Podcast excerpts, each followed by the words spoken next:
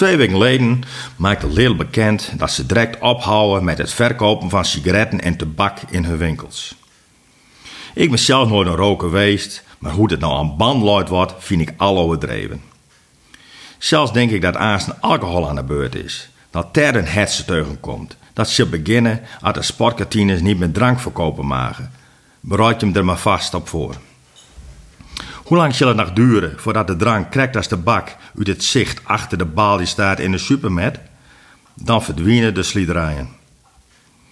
Over zoveel jaar zou de man tegen zijn paken zeggen: Ze paken eens wat vertellen?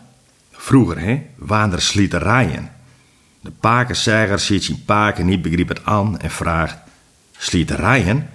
Wat waren dat paken? Paken zucht even en luidt het uit. Nou jongen, dat waren winkels dat je alleen nog maar drank kopen kon en aas niet. De jongen ziet zijn paken aan met ogen als tafelbotsjes. Waren er vroeger echt winkels dat je alleen nog drank kopen kon? vraagt hij vol ongeloof. Paken zei niks, maar knikt alleen. Hij zit met zijn hoofd bij vroeger. Maar er is vanochtend geen tijd om te dromen over vroeger, want we moeten verder. Want komen er dan ook hele afschrikkende teksten en afbeeldings op de flessen te staan? Verschrikkelijk aantaste levens bijvoorbeeld? Drank leidt tot verschrompelde lever of zo wat. En dan komt er een hele rij vrij in de supermarkt. Nou, die wordt nog kleiner denk ik, want ik zie ze overal voor aan. Ze? Ja, de mensen die het ongezond etenspul in een band doen willen. Het is niet met de vraag maar wanneer het snobbersgoed en chips aans niet meer soort te krijgen is in de supermarkt. Draagt er nog niet wat te veel deur?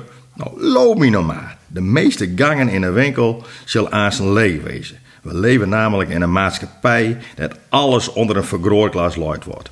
En dat men overal teugen is. Zelfs snobbersgoed is ook niet goed, maar al lekker.